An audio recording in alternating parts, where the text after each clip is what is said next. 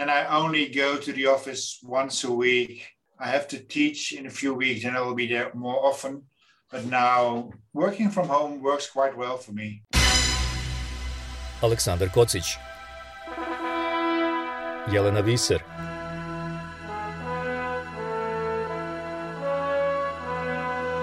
Radio Karantin Hronika istorije u Nakon što je Andrew Wiggins iz Golden State Warriorsa dobio kritike zbog odbijanja da se vakciniše protiv COVID-19 iz ličnih razloga, njegov saigrač Draymond Green rekao je da javnost mora ispoštovati tu odluku. Postoji nešto što treba reći o zabrinutosti ljudi u vezi sa tolikim pritiskom, rekao je Green. Zašto ovoliki pritisak? Morate poštovati osjećanje ljudi i njihova lična uverenja. Na što je LeBron James odgovorio da i sam to nije mogao bolje reći. U stvari, nije se moglo reći gore. Wiggins je umeđu vremenu primio vakcinu, iako je rekao da je to učinio pod prinudom novčane kazne. Osim nejasnih tvrdnji o slobodi, on nikada nije ponudio racionalnu podršku svom stavu, kao ni Kyrie Irving iz Brooklyn Netsa, koji nastavlja da odbacuje stručnost istaknutih imunologa bez razloga, doprinoseći kolebanju u vezi sa vakcinom među ljudima u crnoj zajednici koji umiru dvostruko više nego belci. Njegov nedostatak poštovanja prema životima crnaca ne zaslužuje prihvatanje, niti njegov nedostatak poštovanja za zdravlje i dobrobit NBA zajednice. Na prvi pogled čini se da se Draymond i LeBron zalažu za američki ideal individualne slobode izbora, ali oni ne nude argumente u prilog tome, niti definišu granice kada je izbor jedne osobe štetan za zajednicu. Jedino što govore je ja sam za slobodu. Svi smo za slobodu, ali ne na račun drugih ili ako to nanosi štetu zemlji. Zato su sigurnosni pojasevi u automobilima obavezni, kao i motokacige, osiguranje automobila i obrazovanje naše dece. Na primer, u Sjedinjenim državama 88% ljudi nosi pojaseve, ali onih 12% koji ih ne nose uzrukuju do 47% saobraćenih nesreća sa smrtnim ishodom. 17.000 ljudi i koštaju američke poslodavce 5 milijardi dolara godišnje, a ti troškovi se prenose na nas. Teško je izmeriti cenu COVID-19 u ovoj zemlji. Možemo doći do novčanih iznosa. Ekonomisti sa Harvarda kažu da nas je do sada koštalo 16 triliona dolara. Novac koji je mogao biti potrošen na izgradnju zemlje, zapošljavanje ili pomoć ugroženima. Ali stvarna cena je 700.000 života, od kojih bi hiljade mogle biti spašene da su se pridržavali protokola Centra za kontrolu i prevenciju bolesti i vakcinisali. I hiljade drugih umire svaki dan. Dodajte tome i medicinske troškove za one koji će još godinama patiti. Draymond smatra da je, kad ljudi vrše pritisak u vezi sa nečim, nešto suštinski pogrešno u njihovom mišljenju. U tome nema logike. Ako budem vršio pritisak u borbi protiv institucionalnog rasizma, ako se budem žestoko protivio policijskoj brutalnosti, ako se žestoko protivim nedavno donešenim zakonima koji manjinama otežavaju glasanje, ako se budem žestoko borio protiv dečije pornografije, ako budem snažno podržavao Me Too pokret, da li i onda grešim? Oh, yeah. Radio karantin. Ovako piše legenda američke košarke Karim Abdul-Jabbar u svom autorskom tekstu za magazin Jakobinac – kritikujući neke od aktualnih NBA igrača koji odbijaju da se vakcinišu kao neodgovorne prema svojim saigračima, zajednici i državi. Podcast Radio Karantin nastavlja da se bavi temom obavezne vakcinacije i time šta bi njeno uvođenje, odnosno njen izostanak, značili u smislu ljudskih prava, kako se na to gleda iz medicinske perspektive, a kako iz etičke i pravne. I da, kako da se, kada se upletemo u sve ove aspekte, izvrzemo i pokušamo da shvatimo šta bi bio najbolji pristup po kome se istovremeno prava pojedinca ne bi ugrozila, ali i sačuvalo opšte javno zdravlje. I šta uopšte znače ta naša pojedinačna ljudska prava i kakve moralne obaveze imamo u širem društvenom kontekstu u sred zdravstvene krize globalnih razmera.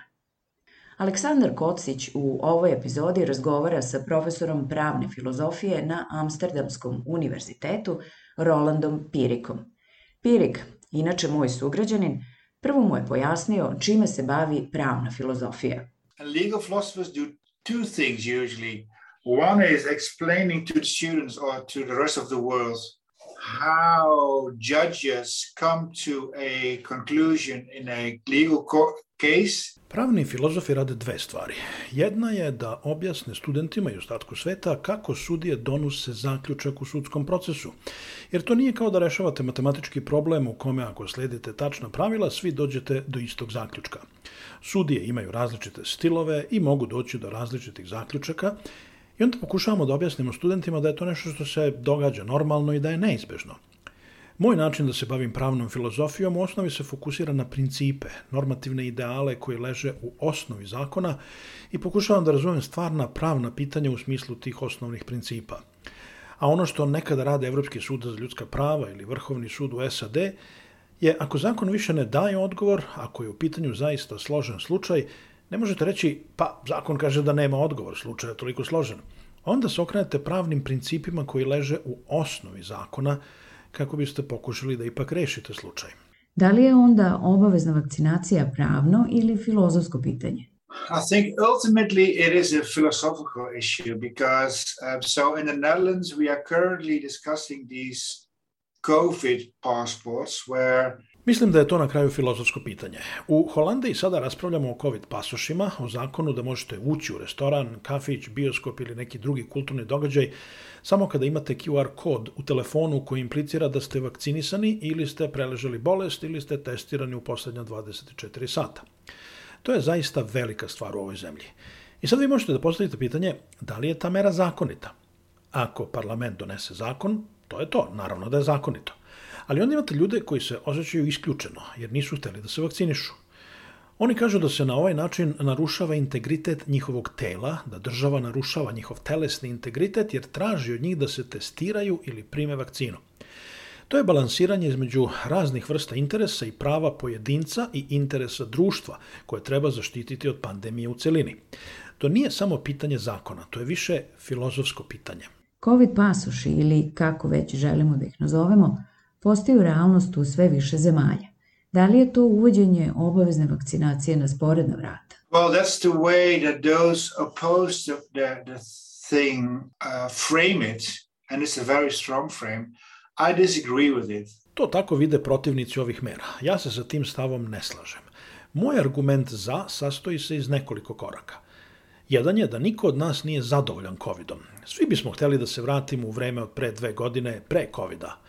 Mi smo u situaciju u kojoj se ljudi inficiraju, morali u bolnicu, u bolnici ljudi umiru i moramo pronaći ovaj ili onaj način da zaustavimo širenje bolesti. A to takođe podrazumeva i nešto što kao građani moramo da uradimo, sviđalo se to nama ili ne. Moglo bi se reći i da imamo neku vrstu moralne dužnosti da se pobrinemo da ne zarazimo druge. A dužnost možete tumačiti na različite načine. Jedan je da ostanete kod kuće, ili da se testirate, ili da primite vakcinu.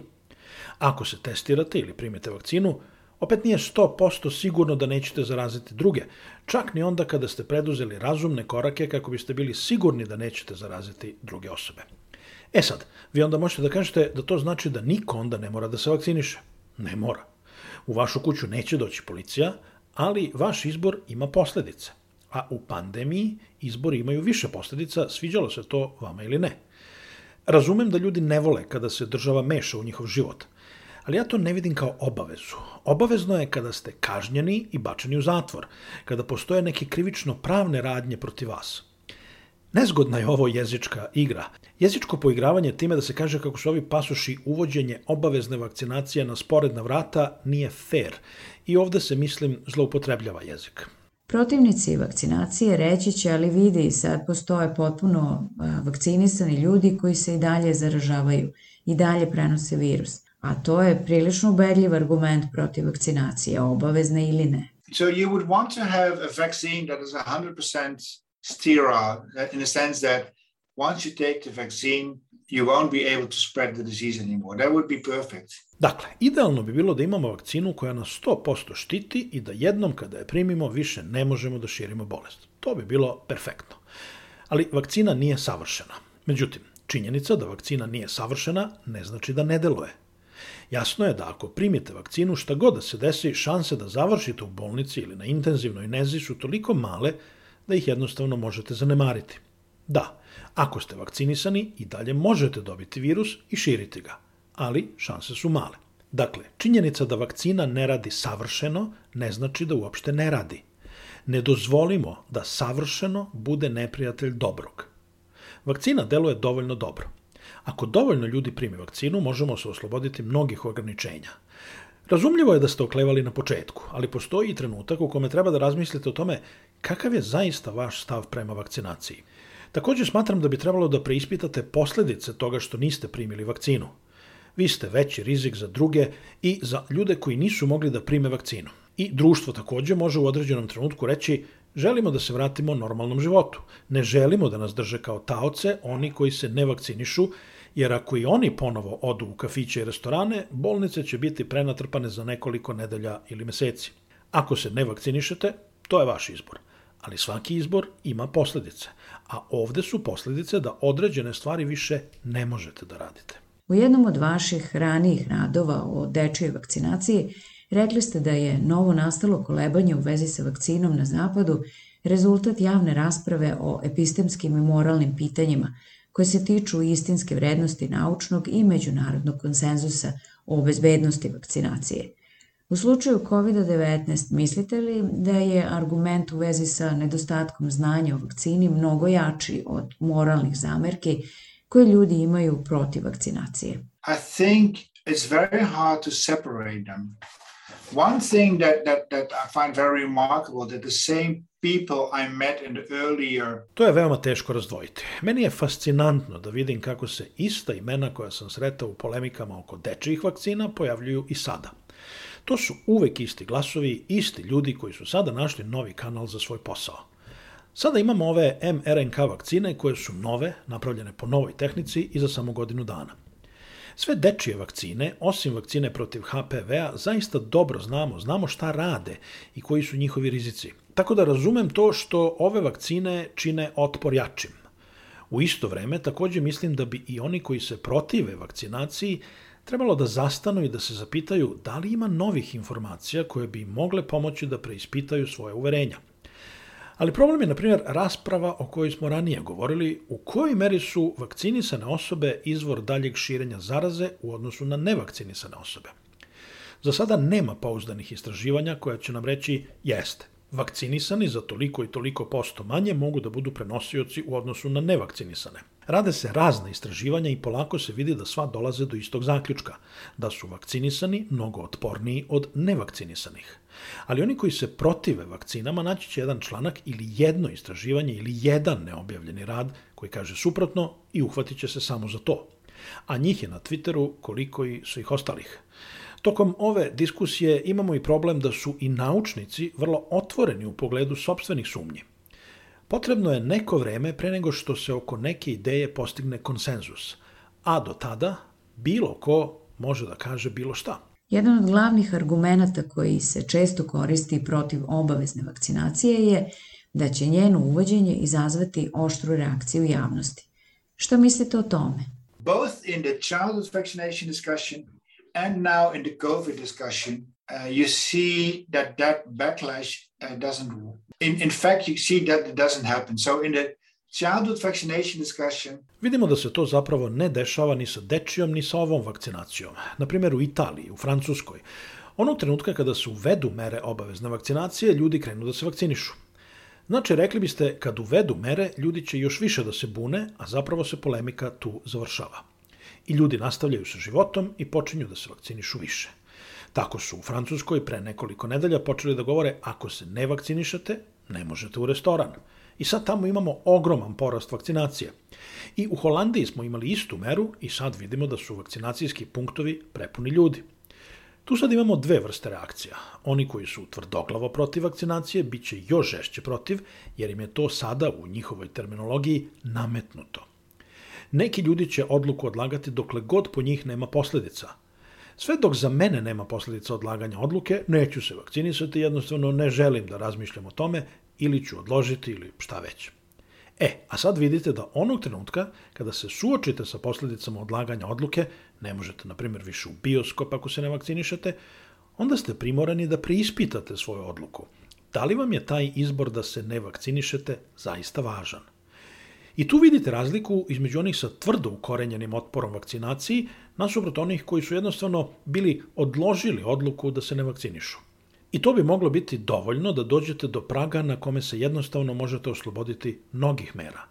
I tvrdokorni antivakseri će se sve više ljutiti, ali niko u vlasti ili među naučnicima ne može više ubediti te ljude, pa prosto morate da se odreknete nekoliko procenata populacije koja se nikada neće vakcinisati i koja vam na kraju krajeva nije ni potrebna da bi vakcinacija uspela. Zato što vam 100% stopa vakcinacije nije potrebna. Hoću da kažem, ako je stopa vakcinacije dovoljno visoka, kao što je sada na primjer u Danskoj, ne morate ubeđivati ili forsirati tvrdokorne antivaksere. Dakle, sada smo svedoci jednom pristupu po kome vlade uvode postepene mere, korak po korak, umesto da idu za jednim sveobuhvatnim zakonskim putezom.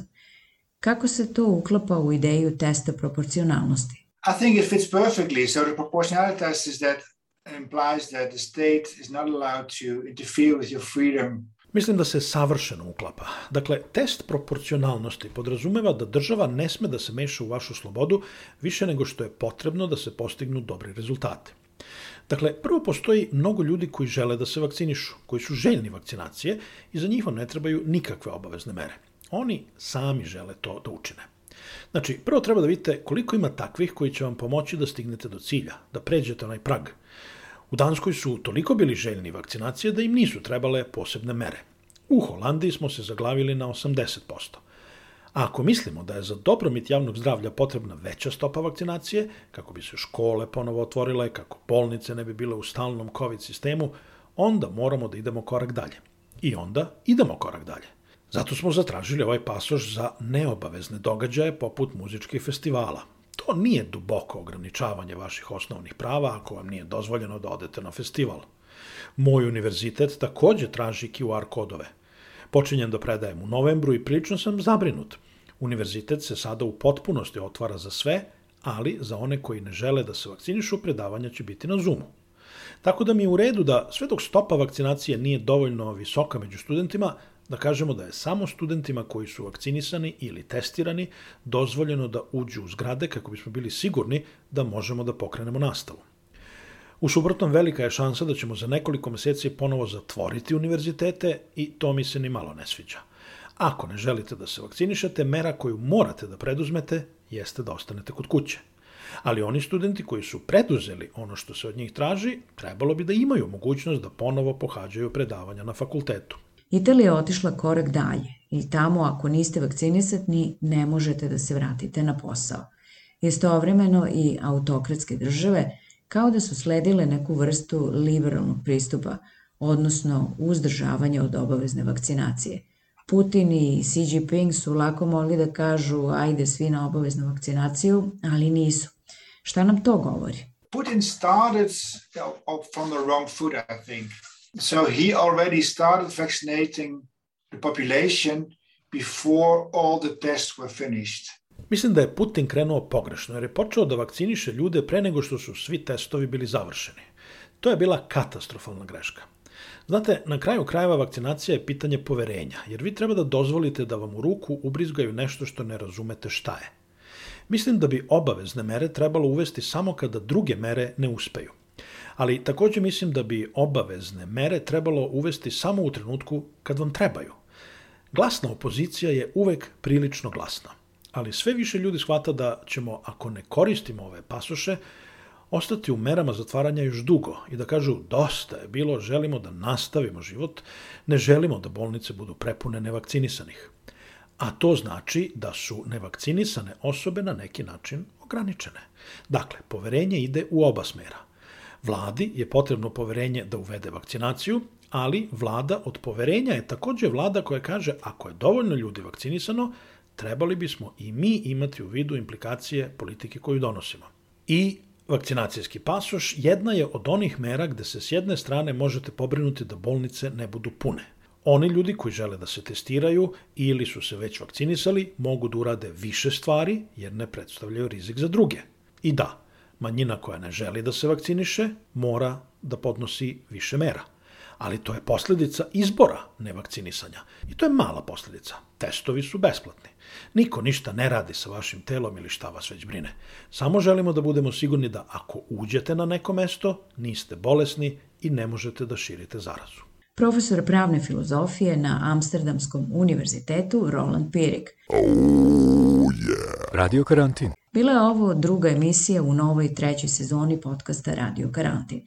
Novu sezonu otvorili smo prošle nedelje razgovorima sa profesorkom Univerziteta u Kaliforniji Dorit Rice i saradnikom Centra za bioetiku Univerziteta u Torontu Peterom Newmanom.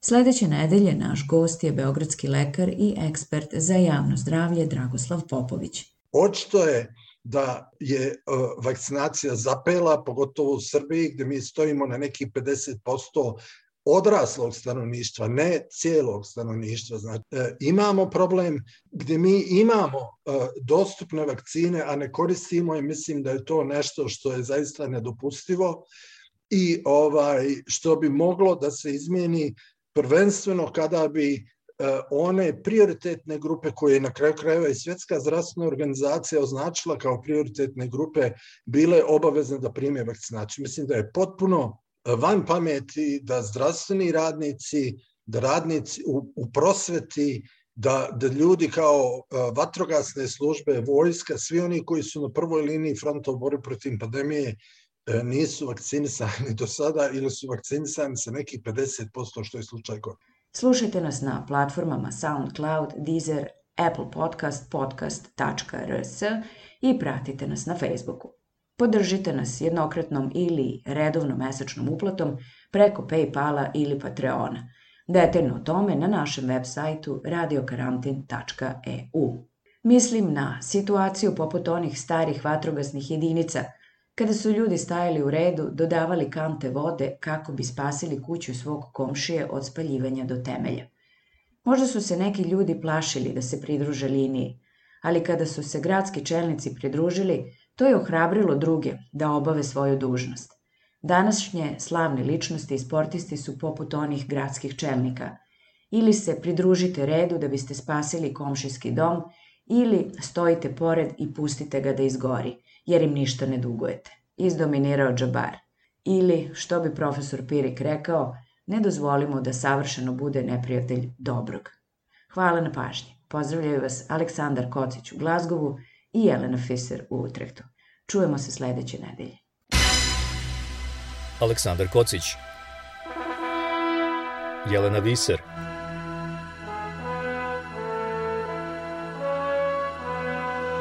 Radio Karantin. Hronika istorije u nastajanju